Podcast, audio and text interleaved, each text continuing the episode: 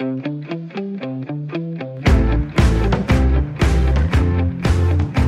lytter til Sportsugen med mig, Claus Elgaard. Lige præcis. Velkommen til Sportsugen, og der er som altid sket en hel del i den forgangne uge. Det er der selvfølgelig ikke plads til det hele, men vi har ydmygt udvalgt nogle historier, som vi mener skal have en tur mere. Svømmeskandalen har ikke lagt sig, for det er nemlig kommet frem, at tingene flere steder slet ikke har ændret sig. En voldsom diskussion om VAR er startet efter kampen mellem Brøndby og FC København. Så er der nye regler i badminton. Vi skal også forbi e-sport, cykling og golf. Og så er der rent faktisk lige netop nu kommet et telegram, der om ikke stiller spørgsmålstegn ved afviklingen af OL i Tokyo, så i hvert fald gør det tvivlsomt. Vi arbejder på at få bestyrelsesformanden for Team Danmark, øh, Lars Krarup, med i udsendelsen, og det er vise øh, lederen af regeringspartiet i Japan, der fortæller, at man uden tøven er nødt til at aflyse OL, hvis man ikke får styr på den fjerde bølge af smitte, som er i gang lige netop nu. Den arbejder vi ihærdigt på.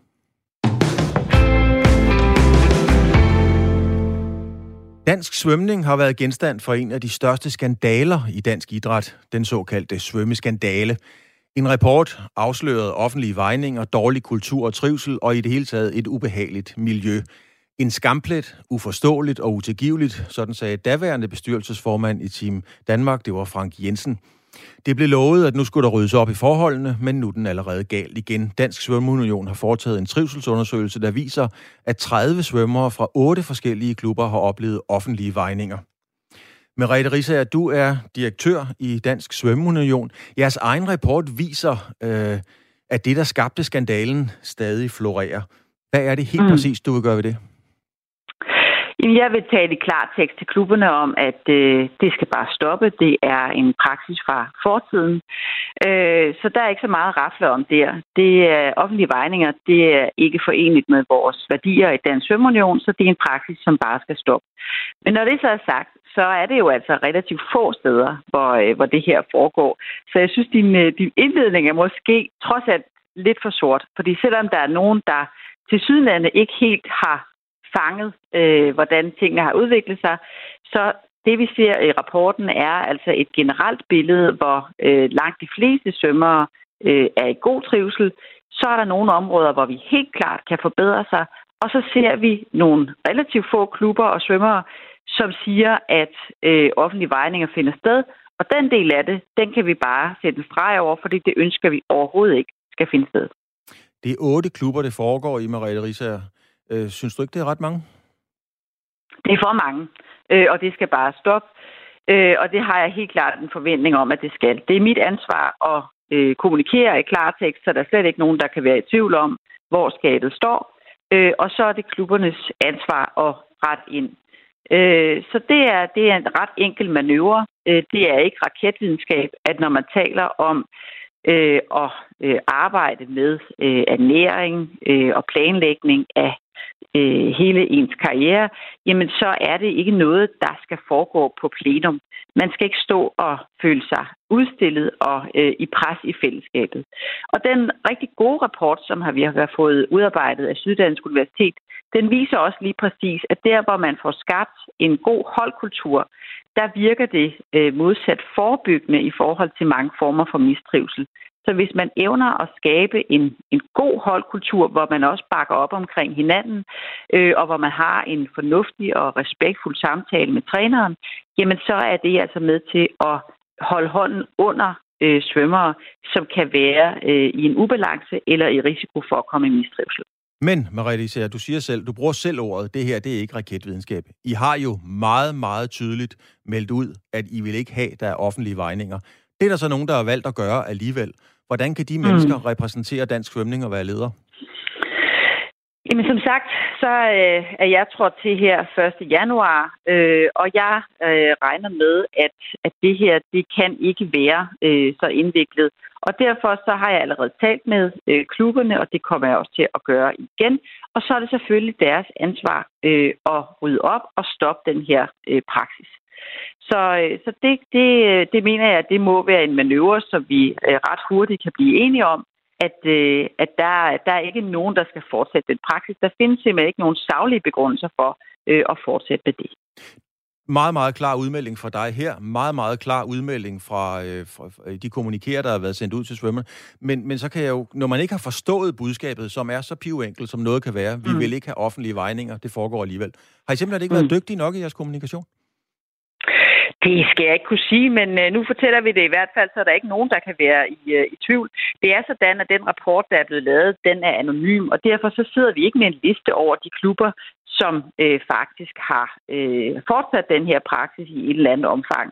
Men vi kommer også til at kommunikere på en måde, hvor, øh, hvor de klubber, som har elitesvømmer, ikke er i tvivl om, hvad der er øh, deres ansvar, og hvad der ligger inden for øh, rammen for de værdier, som vi kan forsvare i Dansk Svømmeunion. Men i første omgang med Red her, bare så jeg forstår det rigtigt, øh, kommer der ikke nogen regulære sanktioner? Altså alle, der er ledere nu, er stadigvæk ledere efter det, og nu får de bare at vide en gang til, det må I stadigvæk ikke. Hm. Jamen, som sagt, så øh, kommer vi til at drøfte det her med klubberne øh, direkte. Vi sidder ikke med nogen liste over øh, de klubber, som har fortsat den her praksis. Det mener vi heller ikke er nødvendigt. Men vi kommer til at kommunikere krystalklart om, at det her ikke ligger inden for rammerne af, hvad der er acceptabelt i øh, Dansk Svømmeunion. Så, så længere er den ikke. Øh, I forhold til, hvad, hvad vi har gjort, jamen, så har vi jo netop sat den her undersøgelse i gang for at blive klar over, hvordan ser det generelle billede ud. Øh, vi har jo god hånd i hanke med, med landsholdene og kan samle op der, hvis der er noget, der skal justeres. Men klubberne har øh, et ansvar for at skabe øh, gode rammer omkring svømmerne der, hvor de er. Øh, og det er så vores ansvar, kan man sige, at kommunikere, hvad for en adfærd, som, øh, som ligger uden for det, der, øh, der kan accepteres i den svømmeunion. Mariette Risager, direktør Dansk Svømmeunion. Tak fordi du havde tid til at være med. Det var slet.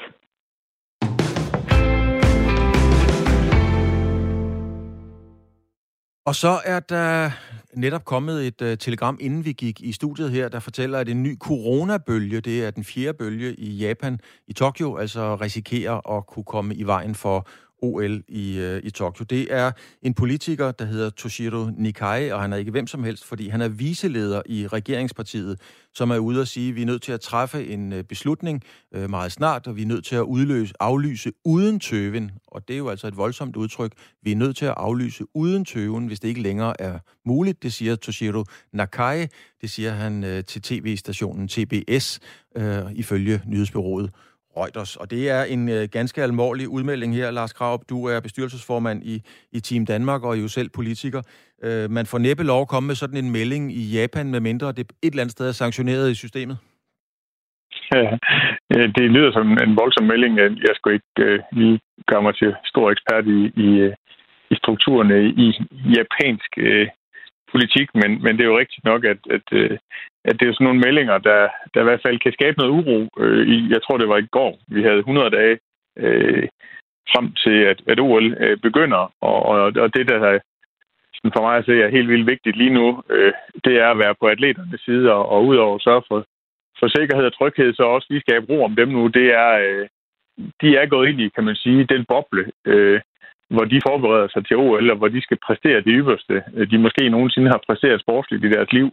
Og derfor har de egentlig brug for ro. Så, så, øh, så det, vi gør fra Team Danmarks side, det er, at vi opfordrer til at holde snuden i sporet hos atleterne, og så, øh, og så fortsætte sin forberedelse. Og så øh, lytter vi selvfølgelig til IOC, og der må man jo sige, at derfra er der jo stadigvæk klare meldinger om, at, at OL øh, gennemføres. Lars Graup, det her det er så nyt, så det det var i hvert fald mit indtryk. Det var nærmest mig, der fortalte dig, at, at telegrammet overhovedet var kommet. Hvad gør du? Hvad gør I nu? Ringer I til Japan og siger, hvad foregår der, eller hvad gør I egentlig? Ja, det var dig, der fortalte mig, at telegrammet øh, og Det er ikke ret meget mere end 10 minutter siden, så, så, så det er også så nyt for mig. Øh, bare lige for, få det på det rene. Øh, øh det vi gør, øh, det er selvfølgelig igen at rette antennerne øh, mod, øh, sammen med Danmarks Idrætsforbund øh, og Team Danmark sammen, og rette antennerne øh, mod IOC, og, og, og øh, det, de jo kommer med dernede fra indtil videre, det er, at OL øh, gennemføres. Vi har jo i forvejen de sidste par uger øh, planlagt efter meget stramme øh, coronaprotokoller, og det tror jeg er fornuftigt. Altså, der er stort set ikke nogen, der kan komme med. Det er faktisk sådan, at hvis en atlet skal have øh, kan dårligt nok få, få, få det nødvendige fysioterapi og sådan noget rundt om sig med. Så det er meget begrænset, hvor mange der kan komme med, og vi sidder i forvejen og planlægger øh, efter øh, det er sådan en meget smal organisation, der skal med. Øh, atleterne Øh, og, og det planlægger vi uændret øh, videre ud fra. Øh, budskabet for os, som jo altid er på atleternes side, det er, at, øh, at de skal forberede sig uændret og holde snuden i sporet. Og, øh, og, så, og så kigger vi selvfølgelig øh, ekstra meget ned mod IOC og siger, at skulle der komme skiftende meldinger, så må det komme derfra. Øh, øh indtil videre, der fortsætter vi planlægningen og forventer, at OL gennemføres. Lars Krab, nu, nu stiller der et spørgsmål, som, øh, som jeg ved, hvad du vil svare på. Du vil sige, jamen jeg, jeg, jeg spekulerer ikke, og nu gør vi, som vi har sagt, vi holder næsen i sporet og ser, hvad der sker. Men så spørger jeg dig sådan mm-hmm. mere, hvad, sagde din mavefornemmelse til dig? Hvordan, når der kommer sådan en melding, Lars Krab, hvad er så det første, du tænker?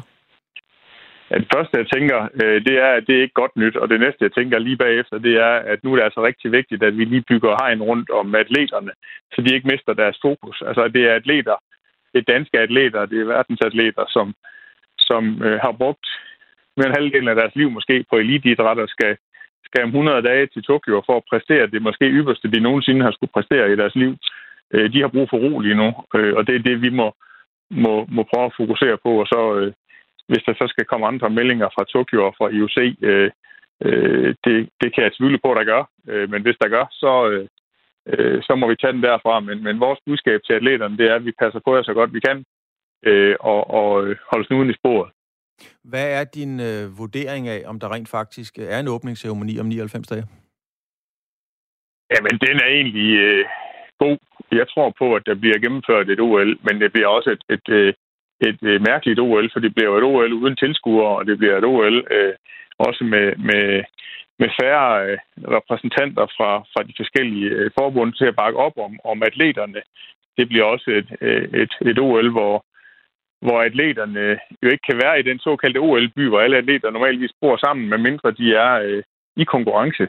Øh, så det bliver selvfølgelig et anderledes OL, men jeg tror, at der bliver... Øh, øh, så mit bud lige nu er jo, at, at, at der bliver gennemført et OL, men de der bølger af coronaen, øh, det er jo svært at stå i Herning lige nu og vurdere, om, øh, om fjerde bølge i Tokyo, den er stor eller lille, og, og, og, og derfor må vi jo også øh, kigge imod IOC og se, om de har kommer andre meldinger. Det tror jeg ikke, de gør, og derfor er mit budskab, som sagt, også øh, fra Team Danmark, at, at vi er på atleternes side, og de skal bare holde snuden i sport nu og få, få forberedt sig så godt, som, som de kan.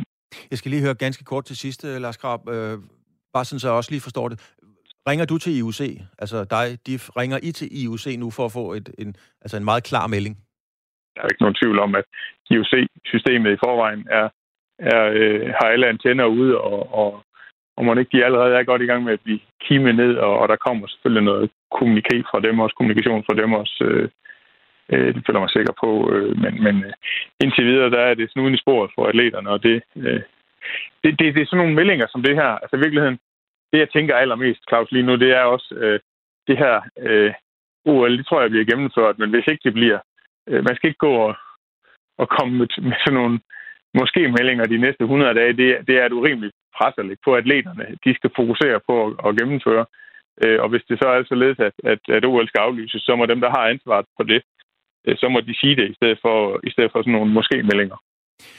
Lars Krav, bestyrelsesformand Team Danmark. Tak fordi du har tid til at være med. Der ligger allerede adskillige beskeder på din telefonsvar. Det er jeg sten sikker på. Tak fordi du har tid til at være med. det er okay.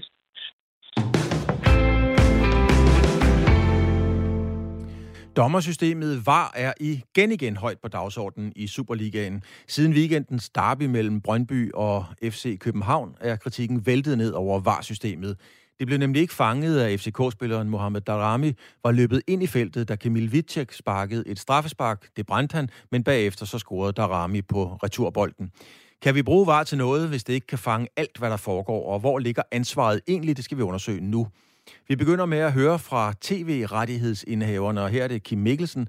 Kim Mikkelsen er Head of Sports ved Nent Group, der producerer de store kampe på TV3+, Plus, og som altså stod for tv-dækningen af derbyet i weekenden. Han var med i Radio 4's fodboldmagasin. Det er det, der hedder Fire på foden, og det kommer om mandagen.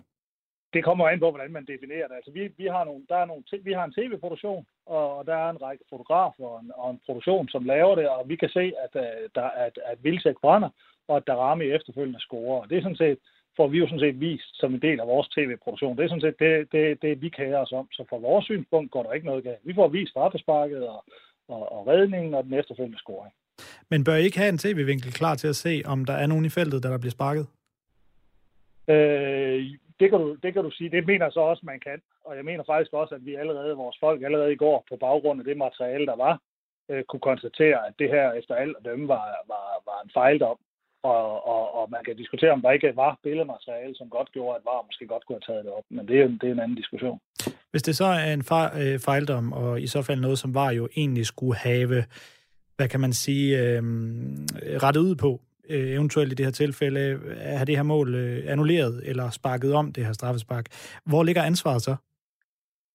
Jamen, det, det ved jeg simpelthen ikke. Altså, jeg, jeg, har, jeg har ikke noget at gøre med VAR. Altså, vi, vi optager en fodboldkamp med henblik på at vise den i tv.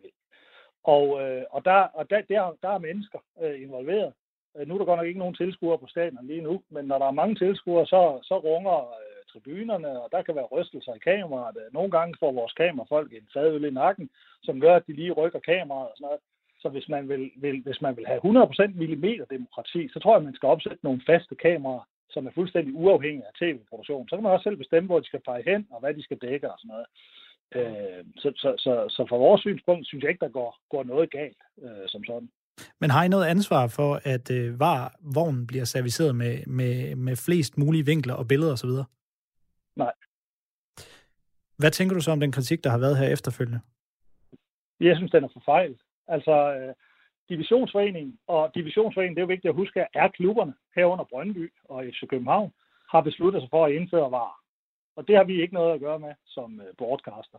Så har man sagt, at man, øh, at man øh, til brug for var gerne vil have adgang til de kameraer, som vi og Discovery producerer kampe med, og det har vi selvfølgelig ikke noget problem med at gøre. Men der slutter vores involvering sådan set i var. Hvad skal der så gøres anderledes for, at den kritik skal imødekommes? Det tror jeg simpelthen, jeg er nødt til at sige, det skal du snakke med, med klubberne og divisionsforeningen om, fordi jeg har ikke noget med det. Altså jeg har vidderligt, vi har vidderligt ikke noget at gøre med, noget at gøre, at gøre med det. Vi producerer en tv-kamp, og så har vi, vi på for, for forspørgsel stillet vores kamera-feeds til rådighed for de forskellige kampe. Og hvad der sker derefter, hvordan man bruger VAR, og under hvilke forudsætninger VAR kan interferere, og hvilke billeder man kan bruge, og man kan tilføje andre kameraer end vores, og sådan noget, det, det har ikke noget med os at gøre. Det vil sige, at bolden bliver altså spillet tilbage til klubberne, og klubberne, det er jo dig, Claus Thomsen. Du er nemlig direktør i Divisionsforeningen. Kim Mikkelsen siger, at hvis klubberne vil have millimeterdemokrati, så må de sætte deres egen kamera op. Det lyder da som en øh, logisk løsning. Er du enig i det?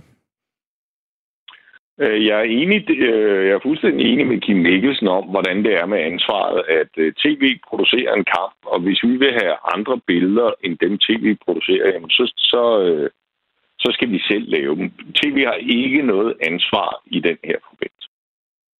De har ikke noget ansvar.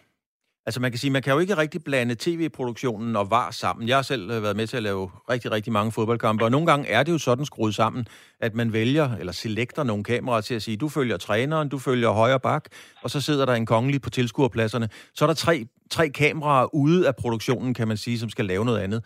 Er det lige vilkår, kan man sige, for, for klubberne, at der lige pludselig er tre kameraer, der følger nogle honoratioros et eller andet sted? Øh, ja, det er det, fordi den aftale, og det klubberne er blevet enige om, det er, at man i udgangspunktet vil øh, bygge varesystemet på det feed, øh, man kan få fra de kameraer, der bliver lavet tv-produktionen med. Så, så den vej er det, er det lige vilkår, ja.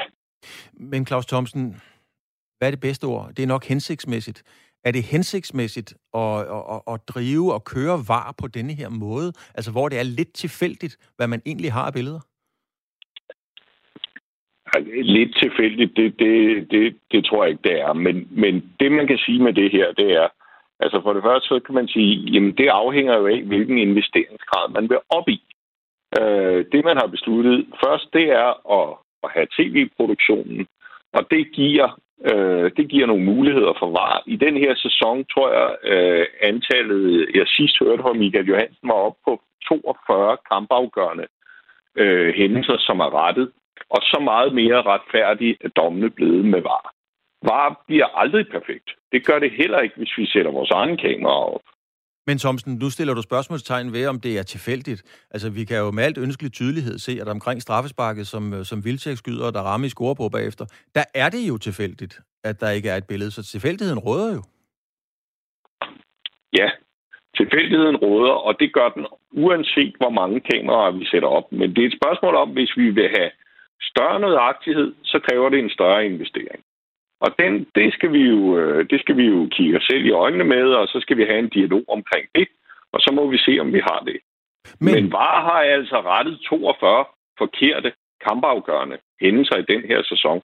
Så alt andet lige, så har VAR altså lavet mere retfærdig turnering, end der ellers ville have været. Det er jo en, øh, det er jo et argument. Det er et statistisk argument, at de har ændret 42 kampafgørende situationer. Men det ændrer vel ikke på, hvis der er bare to, som betyder oprykning, nedrykning, deltagelse i Europacup, der er forkerte, kan man, så kan man vel ikke rigtig bruge det? Jo, det kan man sagtens, fordi normalt så ville vi have haft to, hvis vi siger, der er to øh, betydende kendelser her, så ville vi så have haft 44 betydende kendelser, der kunne have betydet noget for oprykning eller nedrykning.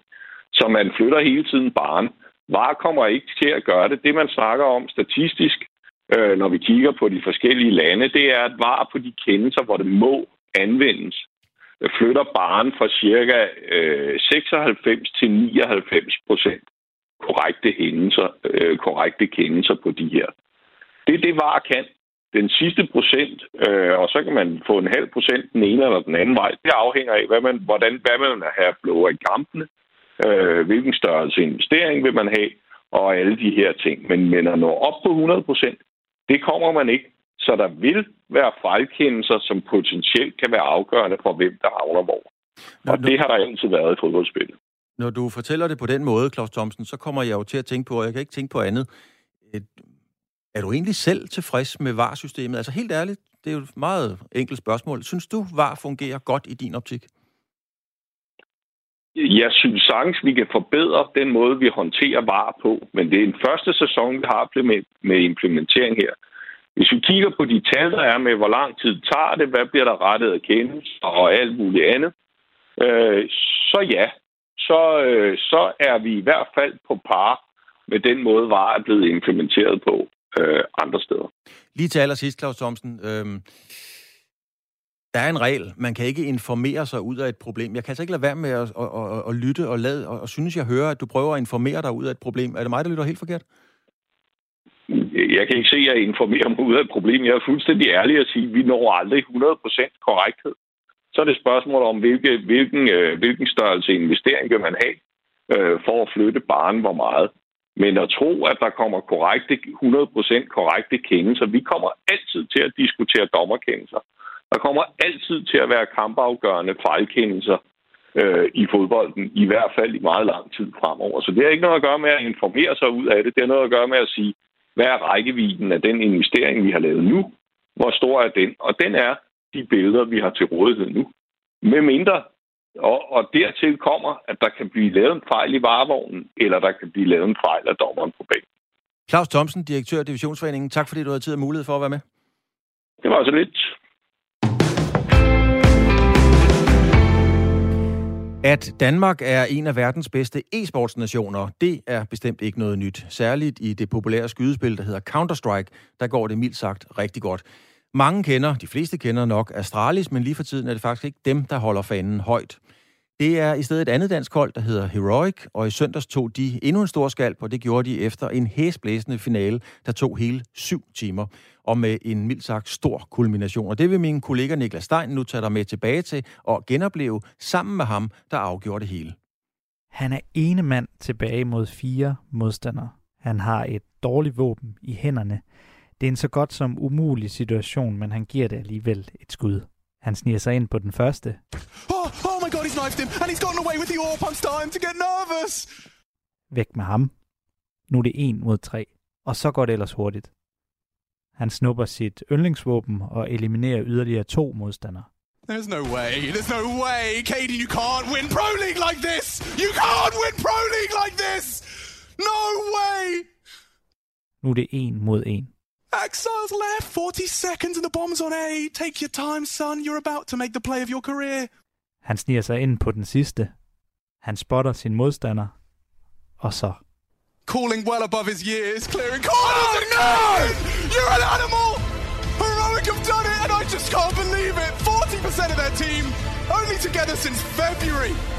Det her, det var sådan de sidste sekunder af den store ESL Pro League-finale gik for sig i søndags. Det er en af de største Counter-Strike-turneringer, der overhovedet findes. Og ham, der afgjorde det hele, det var Kasper Møller, eller Cadian, som han bare kaldes i e-sport-miljøet, hvor man gerne har sjove øgenavn. Og han afgjorde det til fordel for det danske Counter-Strike-hold, der hedder Heroic. Det er allerede blevet kaldt en af de bedste præstationer nogensinde på et af de mest afgørende tidspunkter. Det tog alt sammen mindre end et minuts tid, altså mindre end et minut, hvor det gik rigtig hurtigt oven i hovedet på 26-årig Kasper Møller. Ja, men altså, ja, det går vanvittigt hurtigt, man kan sige. I starten, der tænker jeg faktisk, okay, måske jeg bare skal løbe fuld fart afsted, og så må vi se, om jeg kan møde nogen, og hvis ikke, så skidt være med det. Du ved, jeg har ikke nogen jordisk chance på at vinde den her runde. Men det lykkedes altså, og siden i søndags, der er Kasper Møller blevet hyldet for sine evner med en mus og tastatur på den helt store klinge. Jamen, øh, det var ret vanvittigt, for at være helt ærlig. Øhm, man kunne sådan mærke ligesom den der intensitet og stemning bare sådan håbe sig op stille og roligt i løbet af det clutch. Og man kunne bare mærke den på energien og stemningen i rummet, at altså sådan, jeg ved ikke, det var bare dømt til at ske på en eller anden måde. Øhm, og jubelscenerne taler jo for sig selv. Øh, det var vanvittigt fedt at vinde turneringen. Og vi spiller på syvende team, så at, at gøre det på den måde, og den sæson, det hele ender på, det, det er i hvert fald noget, som, som vi aldrig på holdet kommer til at glemme. Hvor stor en triumf er det her i, øh, i e-sport? Kan du lige prøve at komme med noget perspektiv på det? Ja, altså hvis man skal prøve at sammenligne det lidt med den traditionelle øh, sportsverden, øh, så kan man sige, at det her vil måske svare til Premier League at vinde, øh, at vinde den. Fordi det er et, øh, sådan et, øh, et liga-format, et turneringsformat, der varer lidt længere end en normal øh, Counter-Strike-turnering gør. Normalt så er det måske over en uge, maks to, hvor den her turnering har, øh, har ligesom foregået på 7-8 ugers øh, tidsperiode. Så, øh, og alle de bedste hold i verden har været med fra, øh, for alle forskellige regioner, og det er måske det, der, der kan sige, at det ikke er Premier League, men måske lidt mere Champions League, men, men det er svært at sige. Jeg vil sige, at det er måske en af de tre-fire største turneringer, der er i år i hvert fald. Øhm, kun overgået af, af måske Majoren, øh, IM Katowice og Cologne, så det er en af de fire største. Øhm, og ja, det er også derfor, vi ligesom har været så øh, euforiske over øh, den her triumf. Og I har så nu vundet, som sagt, ESL øh, Pro League. I har også vundet DreamHack Open og øh, ESL Køln, alle sammen på under 9 måneder i løbet af de sidste 9 måneder. Alle tre rigtig store turneringer. Inden den her turnering, altså ESL Pro League, som I vandt her i weekenden, der sagde du til TV2, at du ikke rigtig kunne forstå, at du ikke mærkede sådan en rigtig stor opbakning fra, fra omverdenen til, at I kunne gå hen og vinde den her turnering. Og det gjorde I så øh, åbenlyst. Er I øh, undervurderet i Heroic?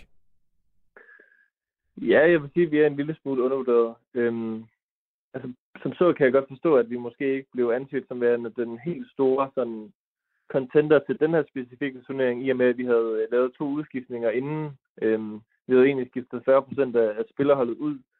Men som du nævner, altså hvis man kigger på de seneste 9 måneder, 9-10 måneder, så er vi bare en af de hold, der har vundet de største trofæer. Øhm, der, øh, der er måske kun Astralis øh, og Vitality, som sådan har vundet øh, nogen af den samme kaliber og lige så mange. Så ja, jeg føler sådan lidt, du ved, at der, der er også bare nogle hold, de har talentet og evnerne til at kunne gå hele vejen. Øhm, og vi har vist noget stabilitet, og men at resultaterne ikke har været finalepladser hver gang. Øh, og vi var bare ubesejret i det gruppespil der, øh, på så fornem en vis, at jeg kunne ikke helt forstå, at der ikke var nogen, der overhovedet anså os som en mulighed. Altså hold der har klaret det dårligere i gruppen, sagde folk, de kan godt gå hele vejen, men det kunne vi ikke. Så øh, man kan sige, jeg, jeg gik måske lidt ud på, øh, på en grænse og, og sagde, at jeg ikke kunne forstå, hvorfor folk ikke øh, sagde, at vi havde en mulighed for det. Det kan jo godt være lidt risikabelt at gå ud i mediernes øh, søgelys med den selvtillid, men det endte jo så med at gå meget godt alligevel. Og samtidig så går det ikke øh, så godt for Astralis. De er, de er nede i et, hvad vi vist godt kan kalde et, øh, et formdyk lige for tiden, øh, og har været det måske lidt længere tid, og samtidig så har I jo så øh, vundet nogle turneringer, som jeg nævnte før. Øh, er I ved at overtage en, en dominans i Danmark? Eller lad mig spørge på en anden måde. Hvor vil du rangere jer blandt verdens bedste hold? Hmm, jeg synes altid, det er svært sådan selv at skulle vurdere øh, sin plads i sådan et hierarki eller på en rangliste. Øhm, hvis man kigger på verdensranglisten, så ligger vi øh, pt. Øh, nummer 3 i verden, øh, og Astralis ligger nummer 2.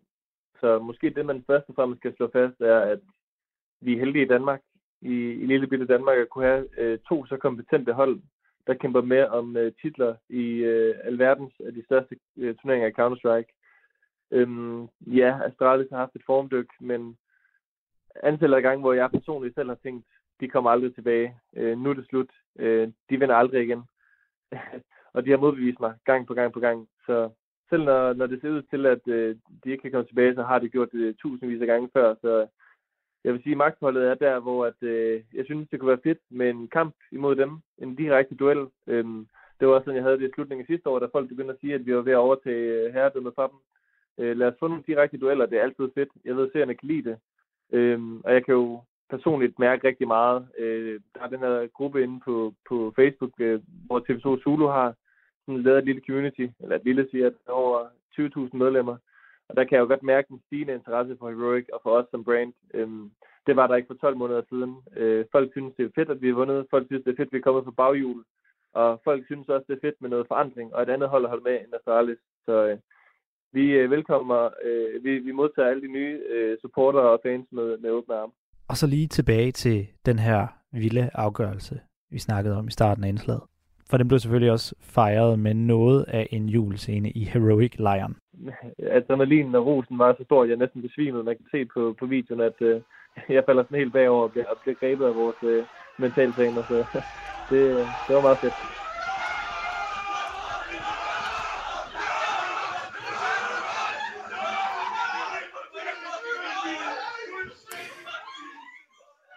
Og det danske e-sportshold Heroic er altså anført af holdkaptajn Kasper Møller. De går på jagt efter en ny titel, når de i eftermiddag spiller 8. delsfinaler i den turnering, der hedder Blast Premier Spring Showdown. Øh, vi havde i det her klip brugt lyd, og lyden kom fra ESL Counter-Strikes officielle YouTube-kanal.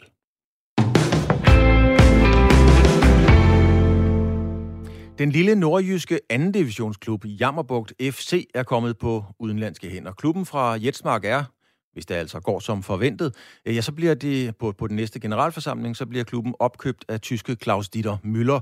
Müller er tidligere præsident i den tyske klub Hannover 96, som har et akademi, et fodboldakademi i Afrika, og vil sende afrikanske talenter på banen i Danmark, helt bestemt oppe i Jammerbugt.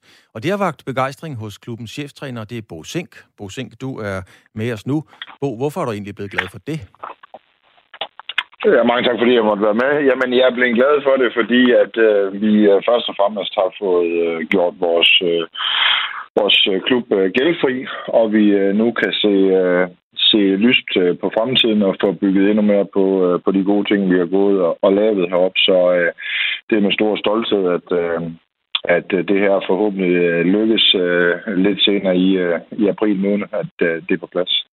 Hvor stor var den gæld egentlig, Bo Sink? Nu er det selv, der bragte det på banen, øh, som man ligesom føler sig nødsaget til at sælge til en tysker. Ah, det kan jeg ikke lige huske i hovedet, men øh, det, det, var, det var millioner af kroner, vi, vi talte om, ja. som vi har bragt fra blokhustiden, så det er... Øh, det kan jeg ikke lige huske det specifikke tal, men, men det er i hvert fald noget, der er blevet, øh, der er blevet øh, fjernet. Øh, og det er jo altid gældstyngende at have renter hver år, øh, når vi ikke er større klub. Så det er ikke, øh, det er ikke, det er ikke gæld, som vi ser i de store udlandske klubber, hvis, øh, hvis det er det, man tænker på. Men, men det vil tyngre stadigvæk små budgetter. Og det vil sige, at vi starter jo på scratch for, for nul i økonomi, kan man sige. Øh, og ikke skylder nogen noget. Øh, og det har vi arbejdet på de sidste år, se om vi kunne, kunne lykkes med. Øh, og det er, så, øh, det er så sket nu. Plus, at vi kan tage nogle skridt i, øh, i opadgående retning. Øh, fordi vi var, øh, må vi sige, nået vores mere end max. Altså, vi er den mindste divisionsklub, der er i Danmark. Og vi ligger nummer et i vores række, og, og det i sig selv er, er ikke normalt. Og vi har lagt i toppen øh, i alle de år, jeg har været her. Øh, og det er ikke... Øh, det er ikke normalt for så lille en, øh, en klub med så få øh, indbyggere der omkring. Så, så vi, vi lå jo og pumpede max på i, på i forvejen, så det her det giver os nogle, øh, nogle tro på, på fremtiden endnu mere. Men Bo Sink, øh, det lyder jo også alt sammen rigtig godt. Øh, men, mm. men når man lige tænker tilbage sådan fodboldhistorisk, så er der jo nogle spor, der burde skræmme, eller i hvert fald give overvejelser til, til eftertanke. Altså FC Nordjylland, der var Blokhus FC, hvis I kigger lige over til Vendsyssel, der også er udenlandske penge i ryggen, altså det er jo ikke fordi, det spiller max, og de andre eksisterer ikke mere. Hvad, hvad, hvad har de kendskærninger gjort i jeres overvejelser for at gå ind i det her? Altså man kan sige, at Blok FC var vi øh, stadigvæk nogen af os, der har været øh, med i, ikke på samme poster, som vi er i dag, men har set, hvad det var dengang. Øh, og det har vi selvfølgelig lært noget af. Så var overvejelserne omkring det her, det var vores, øh, vores DNA og vores styring, øh, og hvem der skulle styre klubben øh, fremadrettet det var de helt store overvejelser i, øh, i det. Og øh, omkring det har vi haft gode snakke med, med Claus om, om, omkring det, hvordan vi skal køre klubben fremadrettet, og hvem skal være toneangivende i, øh, i det. Øh, og der, der er vi blevet øh, beroliget med, øh, med det setup, han gerne vil køre nu, og, og, og fremtidigt med, at det er lokale folk med DNA'en i orden. Så er det klart, så skal vi ud og, og for, forøge vores øh, organisation omkring øh, holdet løbende. Øh, men det er også os, der kommer til at pege på de mennesker fra, fra andre steder i, øh, i, i Danmark, vi skal hæve ind der. Hvis man kigger... så, så det er jeg rimelig rolig med, vil jeg sige faktisk. Ja, men tænk, hvis man kigger sådan lidt rundt, altså nu kom der en, en russer og en moldaver og en kineser til, til Vejle Boldklub, så var der nogen, der sagde red flag. Altså er der ikke et rødt flag, der, der får jer til at tænke, altså okay, en tidligere præsident fra Hannover 96, som jo mildt sagt er en meget, meget stor klub, finder den mindste divisionsklub i Danmark, Jammerbugt. Hvorfor gør han det? Altså, kan du give mig den helt logiske forklaring på, hvorfor at man kigger på Jammerbugt, med alt respekt for det flotte arbejde, de har lavet? Jamen, det, altså, der er mange, øh, der er mange rigtig dygtige andendivisionsklubber, men, men jeg vil tillade mig at sige, at jeg synes, vi er en af de, øh, de rigtig veldrevne øh, andendivisionsklubber med en øh, tydelig infrastruktur, øh, tydelige øh, ledere og tydelige øh, bestemmelser. Så har vi vist, at vi gang på gang kan, kan præstere både på banen og uden for banen via overskud og resultater. Og så tror jeg, at kemien har, har været rigtig god, uh, eller det ved jeg, at den har været mellem os. Så, så det, er, det er en af grundene, man, man kan sagtens kigge på større byer og, og større klubber i anden division. Øh, men der kan jo også være forhold derinde i ren omkring øh, bestyrelser og bestemmelser, hvordan det er. Uh, der er den her klub måske lidt mere enkelt. Og så kan man sige, hvis man kigger på vores... Øh, øh, når man engang imellem kommer hertil, og det er der mange, der kører forbi, når de skal til Blokhus og Lykken, man kører din ind og så vores træningsfaciliteter og de ting, der er ved at blive lavet nu, så er vi, øh, så er vi i hvert fald øh, langt op og rent øh, facilitetsmæssigt også øh, i, øh, i vores omgivelser op, og det er også et, et, et kæmpe plus øh, for os. Så jeg tror faktisk, der er rigtig mange ting, der har, der har, der har spillet, øh, spillet vores vej. Men det er klart, skulle du valgt efter indbygger og størrelse, så, så er vi jo aldrig blevet valgt, kan man sige. Øh, så ligger vi i et område, hvor vi ligger lidt for os selv. Øh, det har også sin, øh, sin fordele øh, ved, øh, ved det. Og så er der et godt potentiale. Vi ligger trods alt tæt på Aalborg i forhold til, til spillere, har en del, der bor derude. Så, så selvom vi ligger ude, så ligger vi ikke helt væk fra, fra alt uh, situationen i, i, Danmark, skulle jeg sige.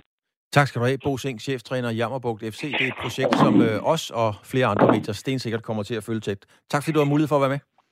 Så tak. Tak fordi jeg måtte.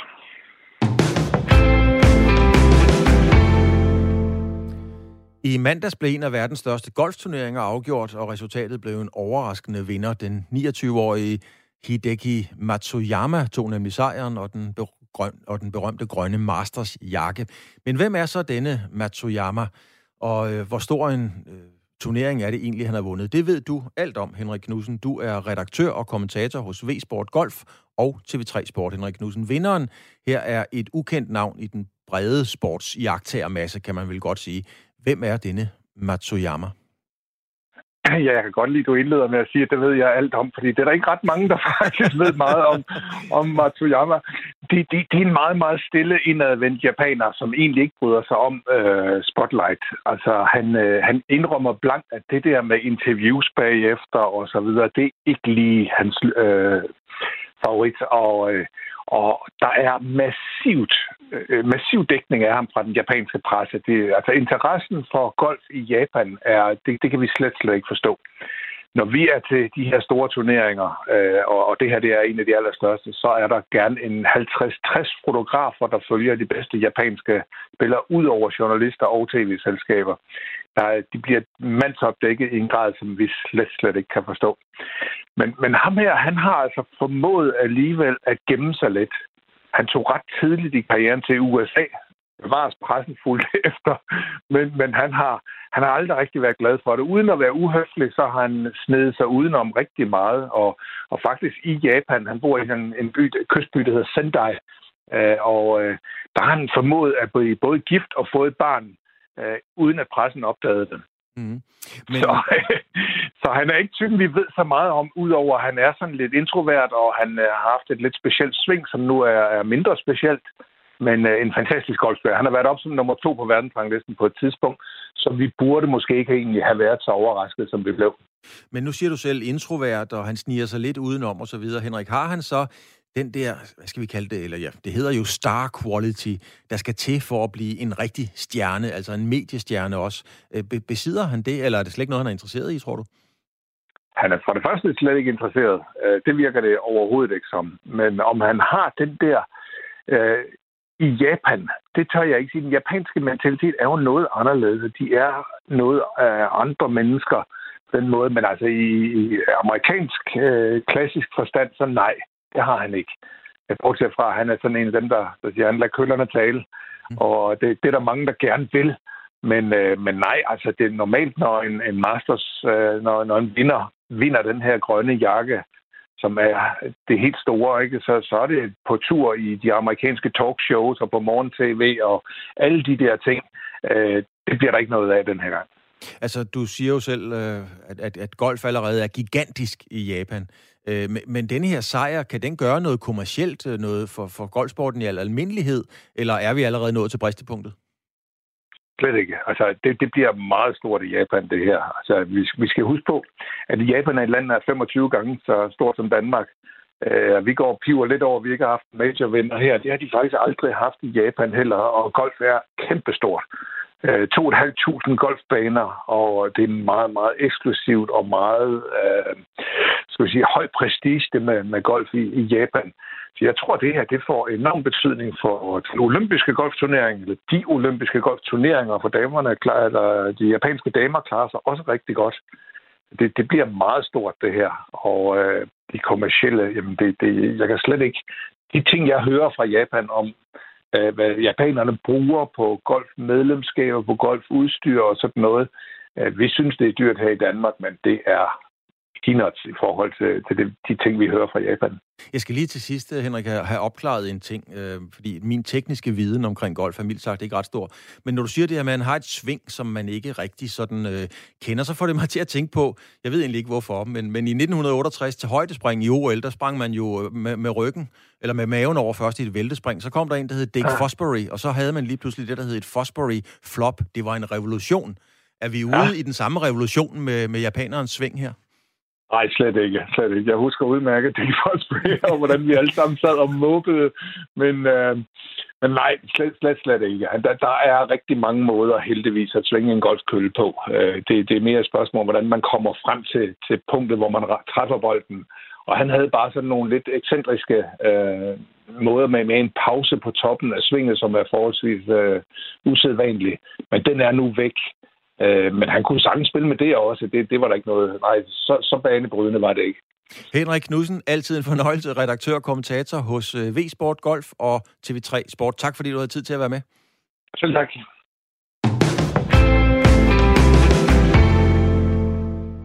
At de danske cykelryttere gør det godt, er efterhånden business as usual, som man siger. Men øh, der er andre interessante ting fra øverste hylde i landevejscykling. Mark Cavendish, for eksempel, er igen begyndt at vinde cykelløb. Tre gange i træk er han kommet først over stregen i Tyrkiet, og det er ellers efter, at han har været væk i næsten tre år, altså hvor han ikke har, har vundet. Cavendish har vundet 30 sejre i Tour de France, øh, syv gange i Giro d'Italia, og han har også tre sejre i Spanien rundt, og så er han også verdensmester, plus alt det løse. Klassikere har han som endt også vundet. Emil Axelgaard, feltet DK. Øhm, havde du set for dig, at Mark Cavendish kom tilbage på det her niveau? Det havde jeg i hvert fald ikke sidste år. Øh, det er en lidt utrolig historie. Øh, han, øh, han har øh, de sidste tre år, der har det faktisk næsten gjort ondt at se, øh, hvor langt han har været fra det niveau, vi kendte. Han blev, øh, han blev ramt af kyssesyge øh, for nogle år siden, og, øh, og det har virkelig, virkelig, virkelig øh, slået ham helt ud. Øh, og vi har set nogle kedelige eksempler i cykelsporten på, at lige netop den sygdom, den altså, har altså været karriereudviklende for mange, og det ser ud som om, at, at Cavendish han, øh, han røg i samme båd. Og sidste år, der var det jo faktisk meget, meget tæt på, at hans karriere var slut. Han, øh, han kørte gen igen og, og, og var i udbrud. Og efterfølgende blev han interviewet og både grædende sammen, fordi han havde øh, hørt rygter om, at de sidste løb de ville blive aflyst på grund af, af coronasituationen. Så han troede, at han lige havde kørt det sidste cykelløb, for han havde ikke nogen kontrakt. Og så gik han op på, på kontoret med, øh, hos, øh, hos sin gamle chef hos Quickstep, Patrick Lefebvre, som sagde, jeg har ikke nogen penge til at ansætte dig, men jeg vil gerne have dig, hvis du selv kan stille nogle penge. Og så gik der noget tid, og så kom han tilbage og sagde, at nu havde han altså en ekstern sponsor, som godt ville betale hans kontrakt. Og der, altså, selv Quickstep sagde på det tidspunkt, at vi henter ham egentlig mest bare ind, fordi der, der er god publicity i det, og vi vil godt, vi har et, et hjerte for vores gamle rytter, som har vundet en masse løb for os. Men så har han åbenbart trænet som en gat hen over vinteren, og øh, så kunne man egentlig allerede se fra starten af sæsonen, at der var lidt, lidt af det gamle øh, tilbage. Og, øh, og han er altså kommet efter det, og, og nu har han vundet øh, tre gange i træk, hvor man igen har kunne se lidt af det, som gjorde, at han vandt de der, de der 30 øh, turetapper. Så det er, det er ganske imponerende. Emil Axelgaard, vi skal ikke drøse malort i bæret eller, eller se det halvtomme glas osv., men når man snakker cykelsport, så snakker man jo altså også doping. Og der er hverken dig eller mig, der ved, om manden har været dopet. Men har der været skriveri om det? Har der været antydninger af? Fordi pudsigt nok var Cavendish, så vidt jeg husker jo, den første til at underskrive UCI's antidopingkontrakt i øvrigt sammen med Sandy Kassar tilbage i 0708.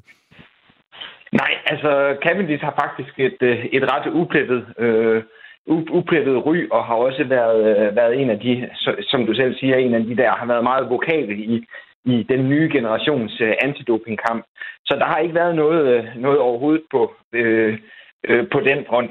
Så skal man så måske nok også lige klappe hesten, inden man siger, at nu er, er Cavendish genfødt i den her alder af, af, af, af 36, er han vil hånd. Øhm, fordi det er Tour of Turkey, han kører. Der er tre World Tour hold til start.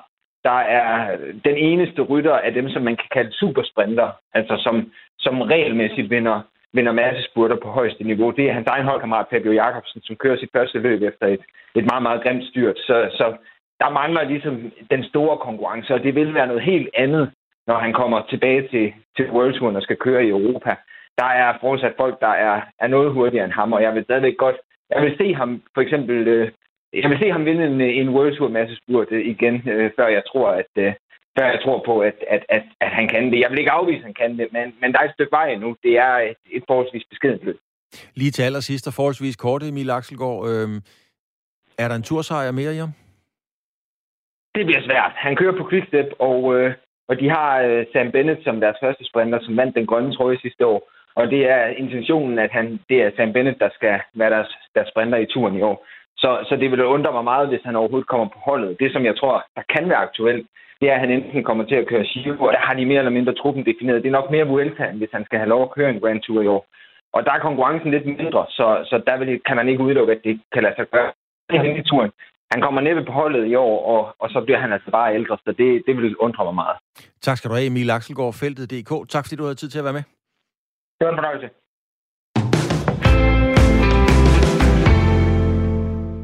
En omfattende regelændring er på vej i badminton, og det drejer sig om en ændring i pointsystemet, hvor man fremover kommer til at spille bedst af 5 sæt, men nu kun til 11 point i stedet for 3 sæt, hvor man spiller til 21 eller bedst af 3.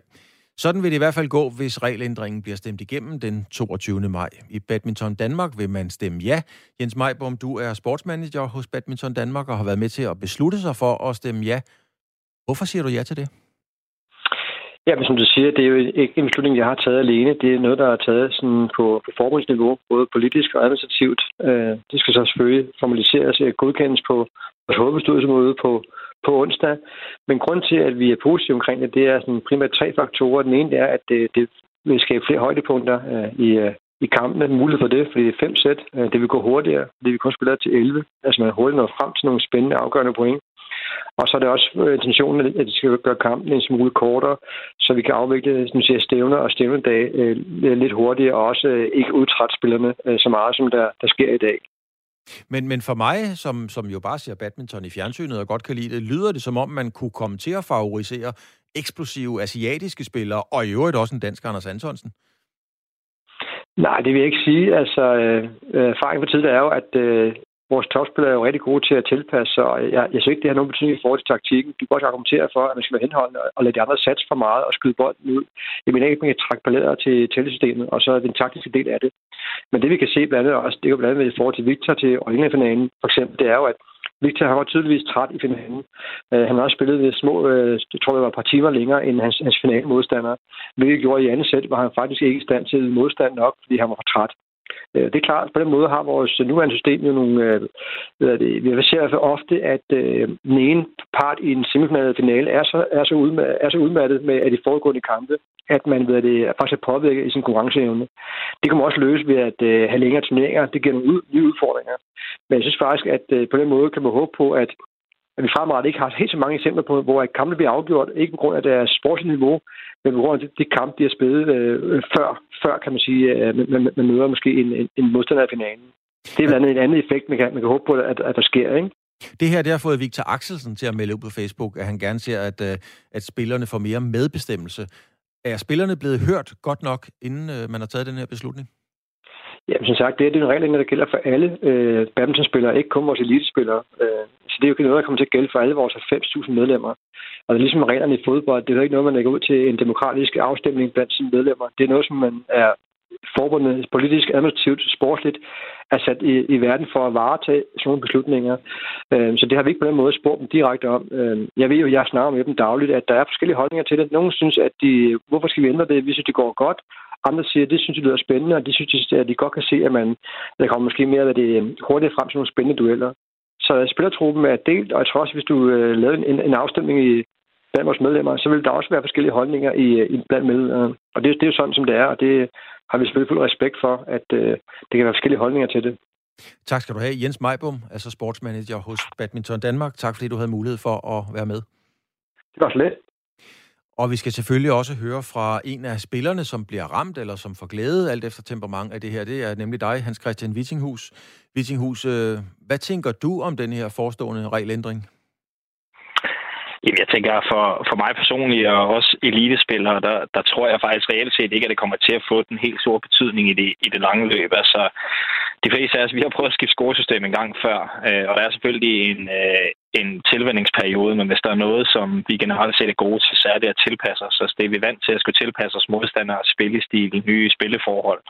Øh, så, så jeg tror ikke, at det lange løb for os, at det vil betyde så meget. Øh, jeg er lidt større modstander af det, fordi jeg, er jeg faktisk lidt mere bekymret for badminton på, på amatørniveau og altså niveauet for, for den brede øh, befolkning af badmintonspillere. Øh, der synes jeg egentlig, det er den forkerte vej at gå og, og prøve at forkorte kampene. Øh, badminton skulle gerne være en sport, der er sund og dyrke, og jeg, jeg ser ikke, hvorfor at man skulle ja, forsøge at gøre kampene kortere øh, for, for alle verdens badmintonspillere. Det, det synes jeg er en forkert vej at gå. Men Wittinghus, altså på den ene side, der, der I professionelle kan omstille jer, og du er lidt bekymret for bredt mm. badminton. Hvordan skal jeg så forstå det? Er du enig med Badminton Danmark i at stemme ja til forslaget? Nej, jeg vil personligt stemme nej, men altså, jeg kan sagtens se nogle af fordelene, som øh, Badminton Danmark øh, også øh, ser meget på, og som jo er grunden til, at forslaget også er stillet af det indonesiske badmintonforbund. Altså, vi kommer jo helt sikkert hurtigere frem til de afgørende, spændende momenter. Ja, det kan jeg da godt se, at som tilskuer kan, kan være en fordel. Og nu har vi også prøvet at spille til 11 før. I, uh, vi havde en hel sæson i den danske liga med det, og prøvet det i nogle enkelte turneringer. Jeg synes, det er, det er lige så sjovt at spille. Altså for mig gør det ikke øh, den helt store forskel, men øh, ej, jeg, vil, jeg vil personligt stemme nej, fordi jeg synes ikke, at det er den rigtige vej at gå for, for badminton som, øh, som sport generelt set, uh, selvom at der er fordele i det også. Ingen tvivl om det. Altså man hører jo så fra mig på Badminton Danmark, at man vil stemme ja, fordi man hurtigere kan komme til at tage afgørende point og kortere kampe, og meget af det er jo i sagens natur tillæmpet også, så det bliver bedre tv-underholdning, som er med til at betale mm. en del af jeres løn. Men hvad betyder det for, for, for en spiller som dig? Altså på den her måde kan man vel ikke blive belønnet for for eksempel at være i jerngod kondition? Nej, det fjerner i hvert fald en lille smule af fordelen, helt sikkert også her i begyndelsen. Altså, vi så det samme, da vi skiftede fra det gamle scoresystem til det nuværende med 21, uh, især i starten spillede fysikken en mindre rolle, men nu er den jo så begyndt at spille en større og større rolle, og nu er det her system faktisk for fysisk order. jeg tror, vi vil se lidt af den samme udvikling uh, med, med 11-point-systemet af øh, i starten der tror jeg, det vil, som du sagde tidligere, favorisere de lidt mere eksplosive typer, øh, men stille og roligt, som folk de begynder at tilpasse sig systemet og vende sig til det, så vil vi også se fysik spille en større og større rolle igen. Øh, det kan godt være, at det tager et par år, før vi kommer derhen, og det er måske ikke lige en fordel for mig, øh, som er en lidt mere fysisk betonet spiller, men i sidste ende, så er det altså ikke scoresystemet, der afgør, hvem der vinder. Det er altså de bedste badmintonspillere, og igen, de bedste badmintonspillere, de er gode til at tilpasse sig, så altså, jeg tror ikke, at du vil se væsentlige ændringer i, uh, i toppen af, af verdens badminton. Du kan se lidt flere overraskelser, men ikke, ikke noget, der har afgørende betydning. Det, det tror jeg bestemt ikke. Så det er stadigvæk, som Morten Frost engang sagde til mig, det er den, der er bedst fra, fra andet sæt, der starter, og til kampen er færdig, der vinder. Ja, du skal jo bare vinde det sidste sæt, ikke? så vinder du. Uh, og altså, selv hvis du taber første sæt, uh, som måske bliver lidt lidt mere sandsynligt at gøre her som favorit, så har du altså mange sæt til at komme tilbage. Så igen, jeg, jeg tror, at de bedste spillere, de skal nok hurtigt uh, indstille sig på et nyt system. Tak skal du have, Hans Christian Wittinghus, for din uh, vurdering og bedømmelse af det nye, formentlig nye uh, pointsystem i badminton. Tak fordi du har mulighed for at være med. Selv tak. Det var altså Hans Christian Wittinghus, og det var, hvad vi nåede. Den uh, helt store historie i dag, det er jo naturligvis, der er kommet en melding fra en uh, toppolitiker fra regeringspartiet i Japan, som øh, melder ud, at man kan blive nødt til uden tøven at aflyse OL i Tokyo, hvis ikke man får styr på den fjerde epidemi.